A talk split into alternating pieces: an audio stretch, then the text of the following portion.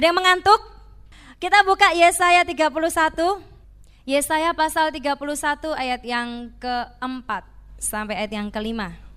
Satu ayat pembuka. Hari-hari ini kita sedang memperingati 40 hari Yesus setelah kebangkitannya dan akan besok Kamis tanggal 13 hari kenaikan. Jadi hari-hari ini kita sedang memperingati Yesus gentayangan ya. Yesus penampakan di mana-mana. Mau tahu Yesus penampakan?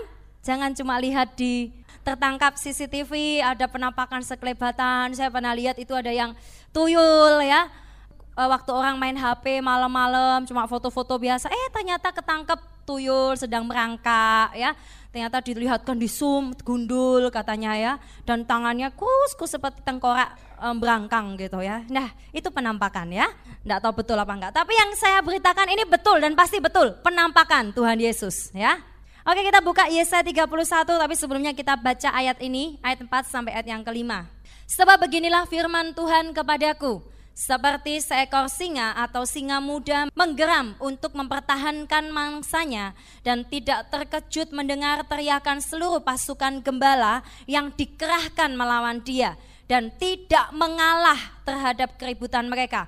Demikianlah Tuhan semesta alam akan turun berperang untuk mempertahankan Gunung Sion dan bukitnya. Ayat 5 kita baca sama-sama.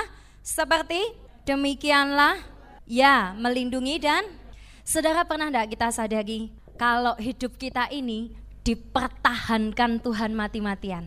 Siapa yang pernah merasakan dalam pengalaman kalian ikut Tuhan?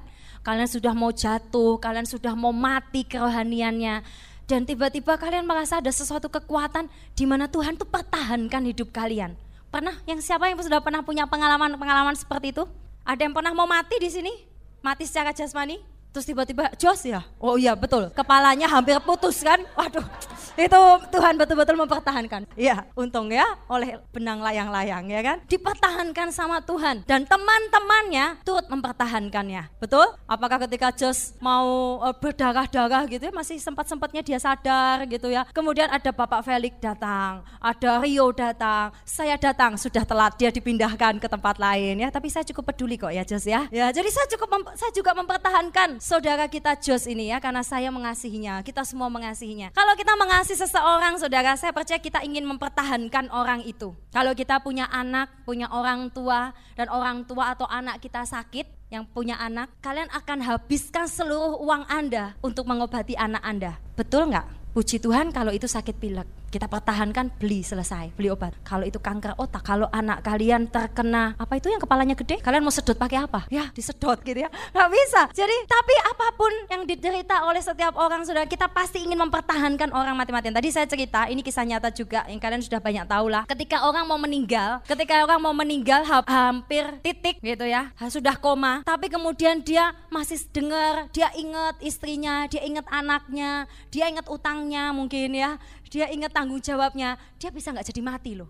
Tapi orang yang tidak punya beban, tidak punya tanggung jawab, tidak ada yang dipertahankan di bumi ini, pasti akan cepat mati. Itu namanya mempertahankan ya. Ada kisah lagi yang saya tahu di internet, uh, sebuah keluarga punya anak, anaknya ini sakit keras, dia habiskan semua uangnya untuk anaknya dan betul dia jadi miskin. Tapi bahagia walaupun menangis ya tentunya anaknya sembuh sehat demi satu nyawa. Bisa enggak kita mengerti arti mempertahankan? Hari ini saya akan bahas itu. Tapi saya kaitkan dengan penampakan gentayangan Tuhan Yesus ya. Apakah itu?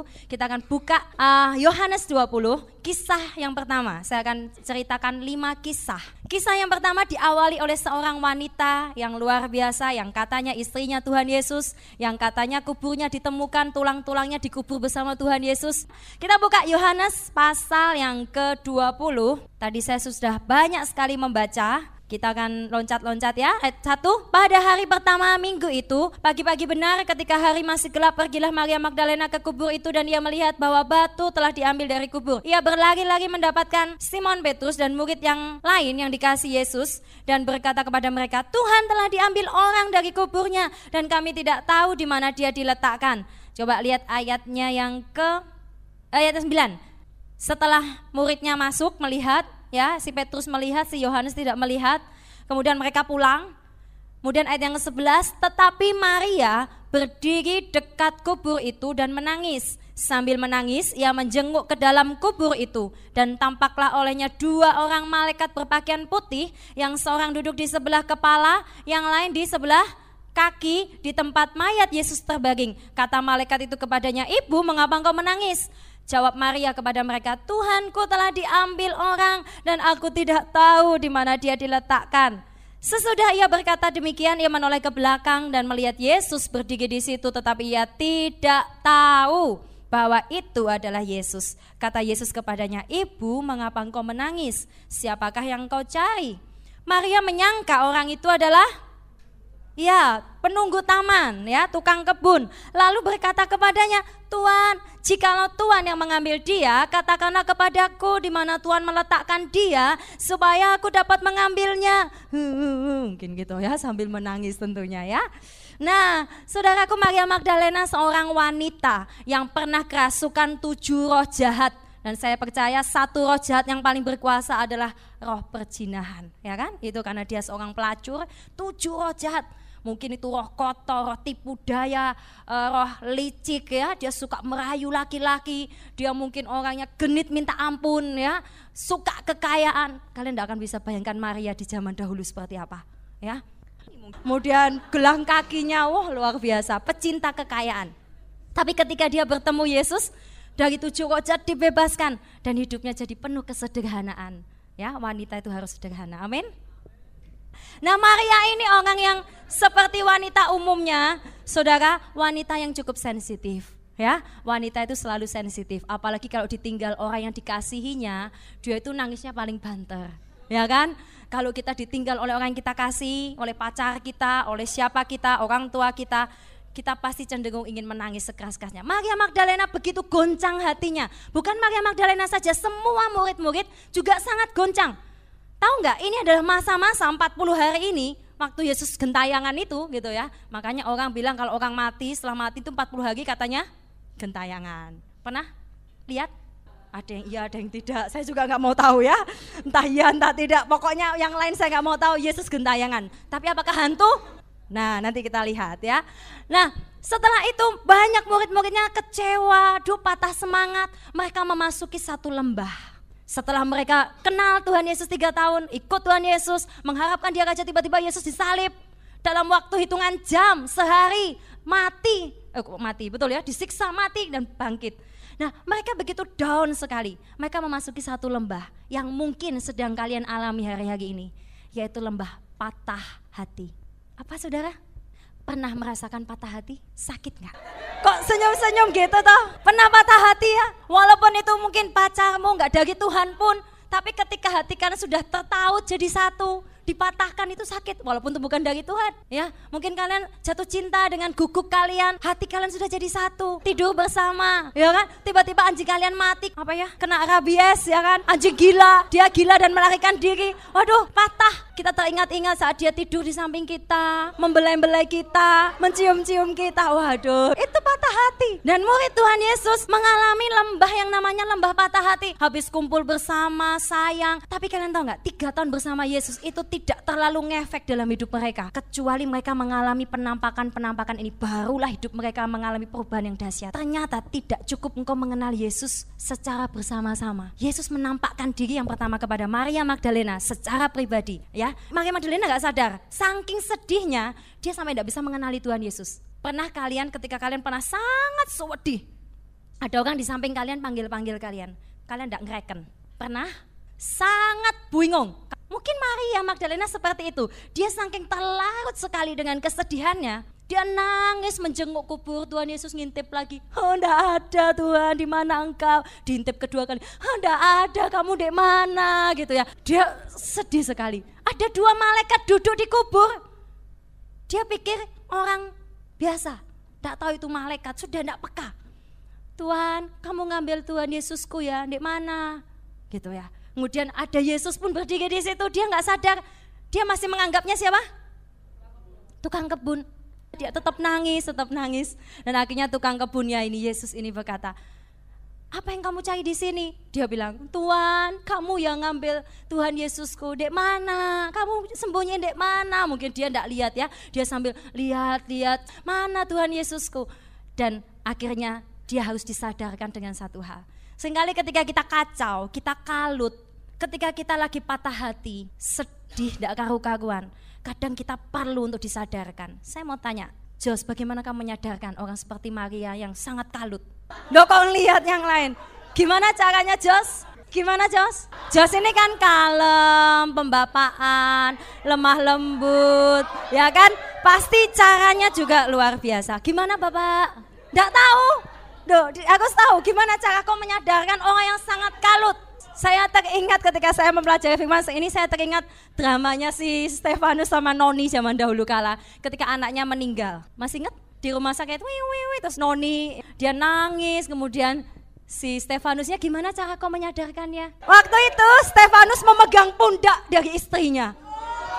Digoncang-goncangkan, mama, mama, sadar mama, ya kan? Seringkali kita cara menyadarkan lain-lain. Kalau si Ari lebih judes, ditampar katanya. Kalau untuk menyadarkan, luar biasa. Beda dengan Tuhan Yesus. Lihat, kalau Tuhan Yesus menyadarkan Maria, dia berkata, Maria, tapi mungkin dia berkata tidak gini, Maria, sayangku, Maria tidak akan digubris sama Maria. Kadang ketika kita sangat kalut, ya, kita mungkin sudah kehilangan Tuhan. Seolah-olah kita kehilangan Tuhan kan. Kita sudah patah hati, kuburnya aja nggak ada. Padahal kadang ketika kita kangen, pernah nggak kita pingin ke kubur seseorang? Lihat fotonya, nangis sambil lihat fotonya kan? Lah ini fotonya Yesus nggak ada. Gimana dia bisa mengungkapkan perasaannya? Nggak ada foto, nggak ada kamera.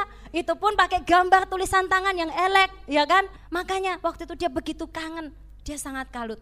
Tetapi lihat Yesus menyadarkan dengan keras. Maria, lalu apa yang dikatakan Maria? Rabuni. Lalu mereka bertatap-tatapan untuk sesaat. Oh Maria, kau ingat aku sekarang. Lihat saudara yang pertama, Tuhan mempertahankan kita. Itu dengan yang pertama, dia memanggil nama kita.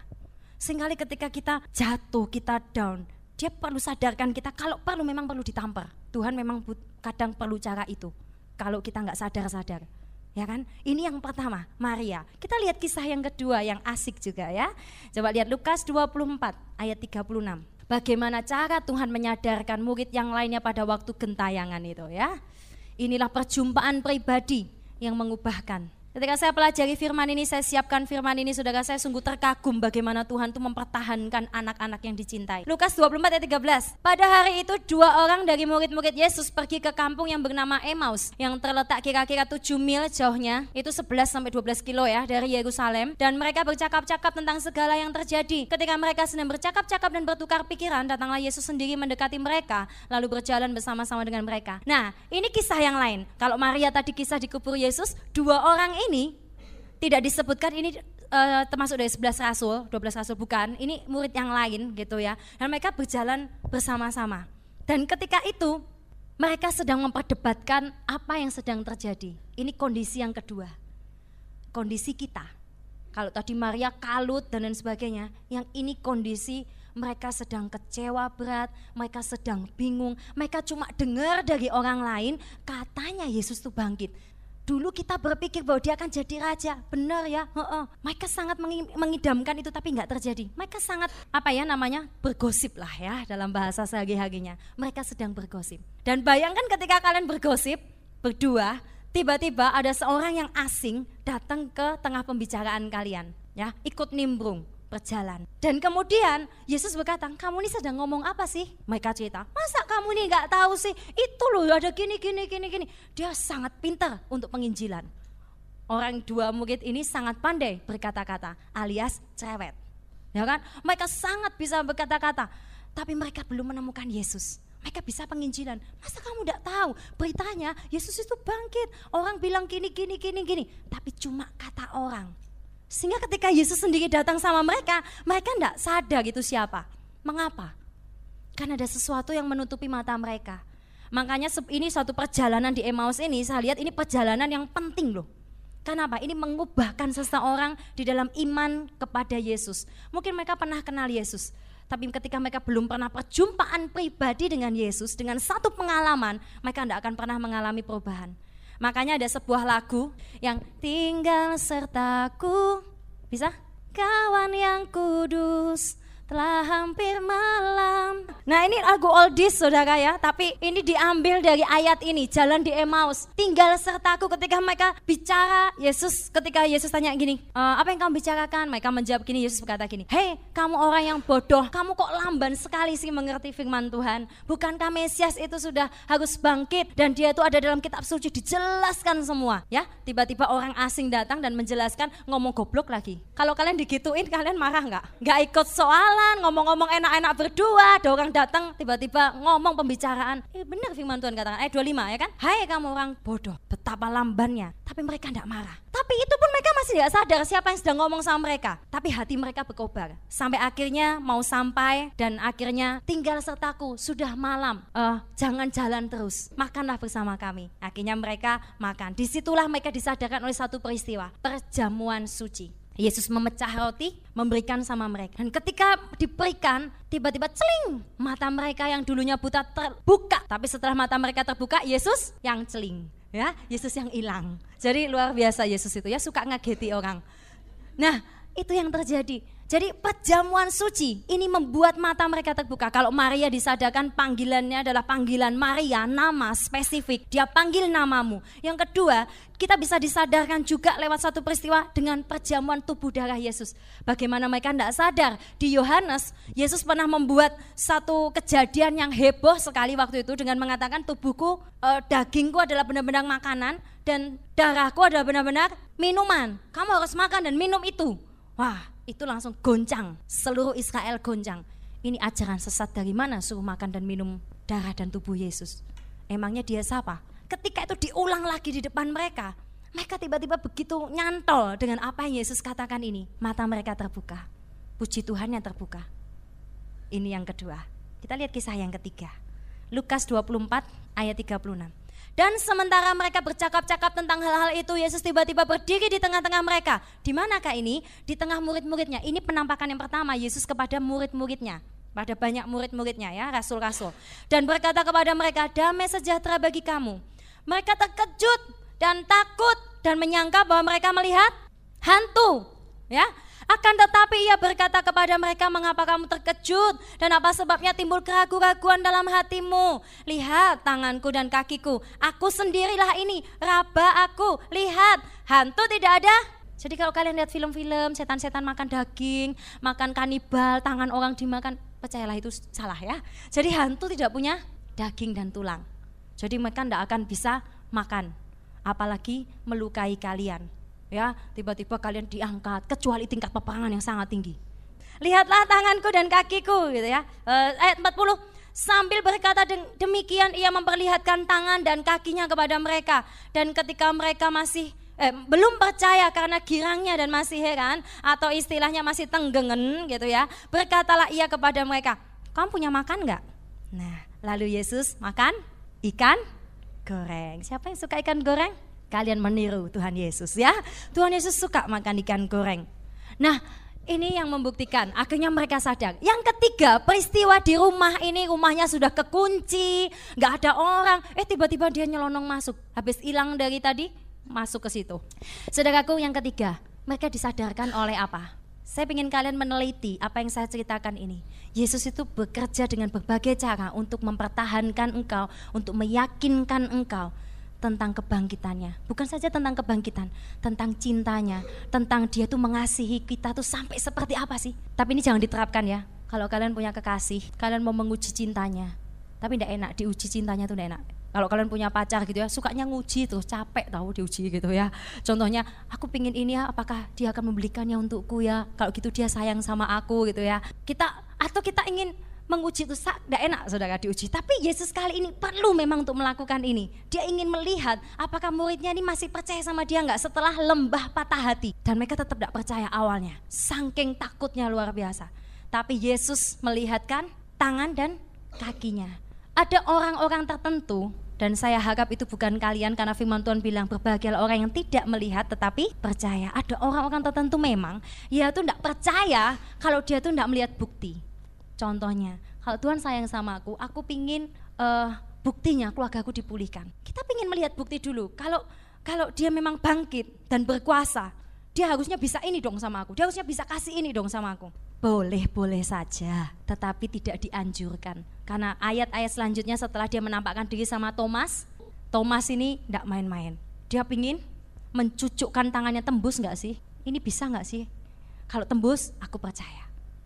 Tapi Tuhan bilang apa? Berbahagialah orang yang percaya walaupun tidak melihat. Ya, itu kisah yang ketiga, saudara. Nah, kisah yang keempat, coba kita lihat di manakah itu? Di Yohanes. Yohanes pasal yang terakhir. Sebelum Tuhan Yesus naik ke surga, dia pernah bilang sama murid-muridnya gini, pergilah kamu ke danau Galilea, nanti aku akan ketemu kamu di sana. Dahului aku ke sana.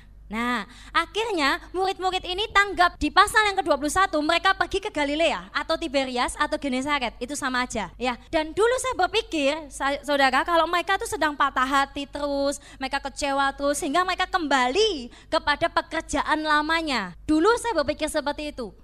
Tidak 100% benar ternyata ya. Mereka pada waktu itu ternyata sedang menantikan apa yang Yesus janjikan, temui aku di sana. Makanya mereka ke sini. Jadi bukan sebetulnya untuk bekerja cari ikan, tapi mereka lapar karena mereka lapar dan bisanya di situ ada ikan, mereka cari ikan. Mereka cari ikan, cari ikan ya sekalian lah ya gitu ya. Siapa tahu dapat lebih bisa dijual ya kan. Mereka pun masih manusia ya kan. Nah tapi setelah cari ikan sepanjang hari nggak ada. Yesus berteriak dari tepi pantai. Hei anak-anak, punya lauk pauk dak? Ini orang dari mana gitu ya, mereka tidak tahu. Tapi lihat, kejadian ini persis sekali diulang ketika pada waktu dulu mereka di danau Galilea juga ya kan Yesus memanggil mereka untuk menjadi penjala manusia. Jadi yang saya mau ceritakan di sini, yang saya maksudkan, kadang dalam hidup kita dia itu perlu meyakinkan panggilan kita. Dia perlu memperbaharui panggilan kita. Dengan cara apa? Banyak hal. Mungkin dengan cara namamu dipanggil, dengan cara tadi engkau dengan perjamuan kudus yaitu mengingat tubuh darah Yesus, mengingat salib, engkau melihat Yesus disalib dan engkau berkata, "Yes, aku ikut engkau." Atau yang ketiga, seperti ini. Mereka me sadar ketika mereka kejadian yang sama itu diulang. Dan yang pertama sadar adalah Yohanes, murid yang paling dikasih Yesus. Ya, murid yang dikasih Yesus. Dia sadar, dia berkata, "Itu Tuhan." Dari jauh dia bilang gitu. Kenapa? Karena ada sesuatu yang diulang lagi dan dia bisa merasakan itu Yesus. Akhirnya yang paling sanguin, yang paling gagah berani si Petrus sebelum ke daratan, ya sudah mendekat. Dia tidak mau tunggu. Dia langsung keluar, seperti biasa kan sifatnya begitu. Dia keluar dari itu dan dia langsung berlari kepada Yesus. Ya, dan akhirnya di situ mereka makan. Di situ sudah Yesus sudah menyiapkan arang dan lain sebagainya. Saudaraku, yang keempat adalah saya mau katakan, panggilan itu perlu diperbaharui. Mungkin dulu ketika Yesus masih hidup, mereka pernah dikatakan jadilah penjala manusia. Tapi itu tidak benar-benar nyantol istilahnya. Ketika engkau dapat pelajaran di uh, pelajaran apa ya? Biologi lah gitu ya, fotosintesis gitu ya. Itu kayak apa ya, daun tuh kayak apa? Kalian ngerti, tapi kalau ketika kalian tidak menghadapi sendiri, membelah daun atau mungkin kalian melihat pencernaan kelinci, gitu aja ya. Oh ya ini ada empedu, ini alatnya begini. Saya paling pusing kalau biologi SMA. Hafalannya banyak, enggak, ada praktek ya kan? Enggak pernah tahu kelinci itu dalamnya apa, ikannya dalamnya apa, tapi digambarkan su hafal semuanya. Ya bisa, saya dapat nilai bagus. Saya bisa suruh penginjilan sama kalian. Ikan itu begini begini, saya penginjilan bagus. Ya kan? Dapat nilai baik. Tapi ketika itu sudah saya alami sendiri, ketika murid-muridnya diperbaharui dengan dia mengalami sendiri, panggilan yang diulang, Ingat, setelah lembah patah hati, untuk mengembalikan kepercayaan diri mereka, untuk mempertahankan mereka, Tuhan perlu melakukan ini. Ya, ini yang keempat. Lanjut yang kelima, ayat-ayat selanjutnya ya, kita baca. Ayat 15, Sesudah sarapan, Yesus berkata kepada Simon Petrus. Yang kelima adalah dengan Petrus secara pribadi. Simon anak Yohanes atau Yonas, apakah engkau mengasihi aku lebih dari mereka ini? Jawab Petrus kepadanya, Benar Tuhan, engkau tahu aku mengasihi engkau. Kata Yesus kepadanya, gembalakanlah domba-dombaku. Sampai tiga kali ya kan, Yesus bertanya, apakah engkau mengasihi aku? Benar. Yang ketiga, Yesus tanya demikian juga, apa sih maksudnya? Mungkin dulu saya taunya, oh ini tiga kali Yesus gini, ini berarti diulang tiga kali karena Petrus menyangkal Yesus tiga kali. Betul, tapi bukan cuma sekedar itu. Saya tunjukkan sedikit aja. Ketika Yesus bertanya yang pertama, dia berkata dengan agape. Apakah engkau mengasihi aku? Apakah kamu agape dengan aku? Petrus menjawab, benar Tuhan, aku filia dengan kamu.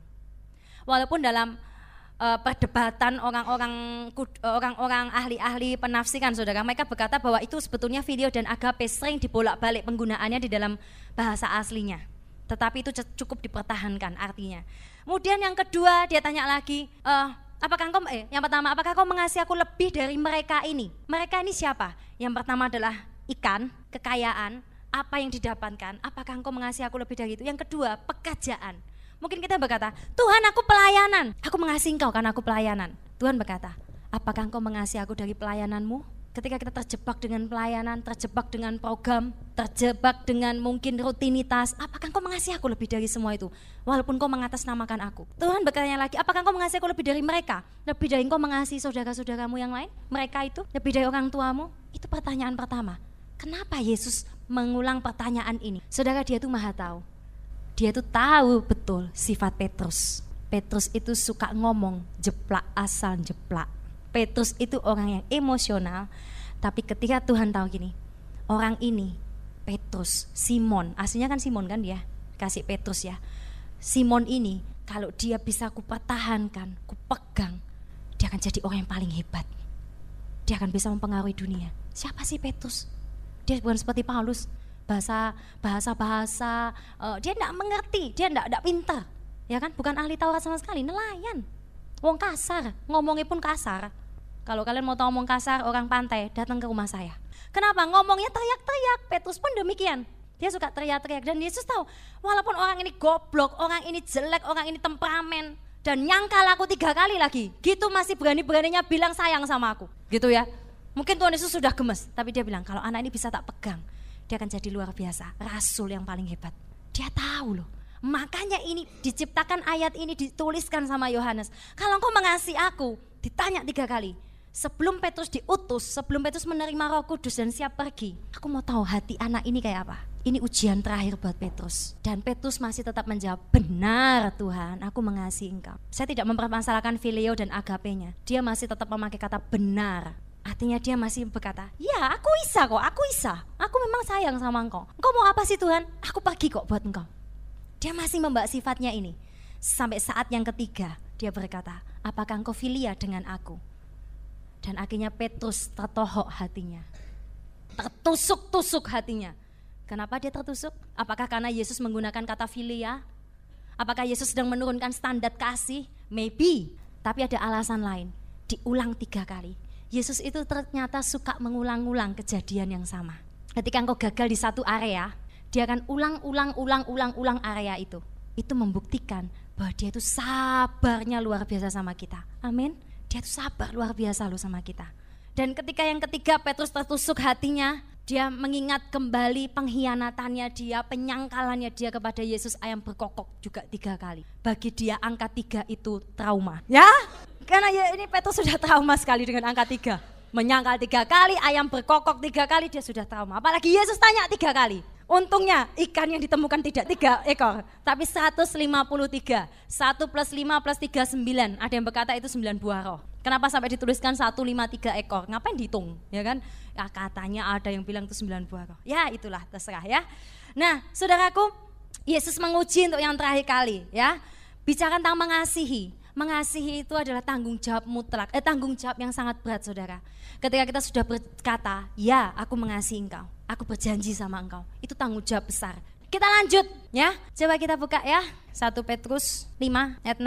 Nah di sinilah Petrus sadar, makanya dia tulis ini Petrus yang tulis ya. Setelah dia jadi rasul besar, jadi gembala hebat, dia menuliskan tentang menjadi seorang gembala. Saya percaya ini dituliskan karena dia pernah punya pengalaman pribadi tentang gembalakanlah domba-dombaku. Domba ini ada bahasa Arnia, bahasa aslinya atau Probatia. Ya, itu artinya domba ada domba kecil atau domba menengah, domba besar, pokoknya intinya domba. Nah, dombaku artinya dia Petrus diajar sebelum dia diutus Tuhan, kamu ini sedang mengembalakan dombaku, milikku. Jiwa-jiwa itu milikku. Makanya Petrus 1 Petrus 5, Petrus menceritakan bagaimana menjadi gembala. Dan ayat yang keenam, karena itu rendahkanlah dirimu di bawah tangan Tuhan yang kuat, supaya kamu ditinggikannya pada waktunya. Lihat, seorang Petrus yang cenderung sombong pada mulanya, cenderung gerusa-gerusu, asal jeplak, asal emosional. Sekarang dia berkata, iya ya, dia ingat pertanyaan Yesus yang ketiga. Biasanya dia jawab, benar Tuhan aku mengasihimu. Yang ketiga dia tidak jawab benar loh. Dia jawab gini, engkau tahu Tuhan aku mengasihimu. Seolah-olah hatinya sudah hancur, remuk, lebur. Kadang kita diuji sampai seperti itu loh. Sampai kita rasanya sudah, iya aku ini jelek. Engkau sajalah yang tahu. Engkau sajalah yang uji hatiku kayak apa. Apakah aku ini mengasihi engkau?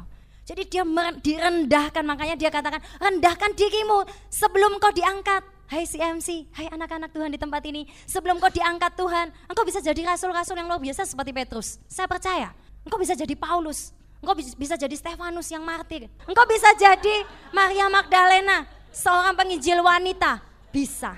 Tapi rendahkan dirimu di bawah tangan Tuhan yang kuat dulu. Amin. Maka dia akan meninggikan pada waktunya. Tidak enak loh, tapi kita harus lakukan. Nah, saudara ayat-ayat yang terakhir ya. Coba kita lihat Mazmur 138. Silakan pemain musik. Mazmur 138 ayat yang ke-7 dan ayat yang ke-8 kita baca sama-sama. Ayat 7 sampai 8, 2, 3. Jika aku berada dalam terhadap amarah musuhku engkau mengulurkan tanganmu dan tangan kananmu menyelamatkan aku. Tuhan akan menyelesaikannya bagiku. Ya Tuhan, kasih setiamu untuk selama-lamanya janganlah kau tinggalkan perbuatan tanganmu. Saudara, perjumpaan itu beda dengan pengajaran.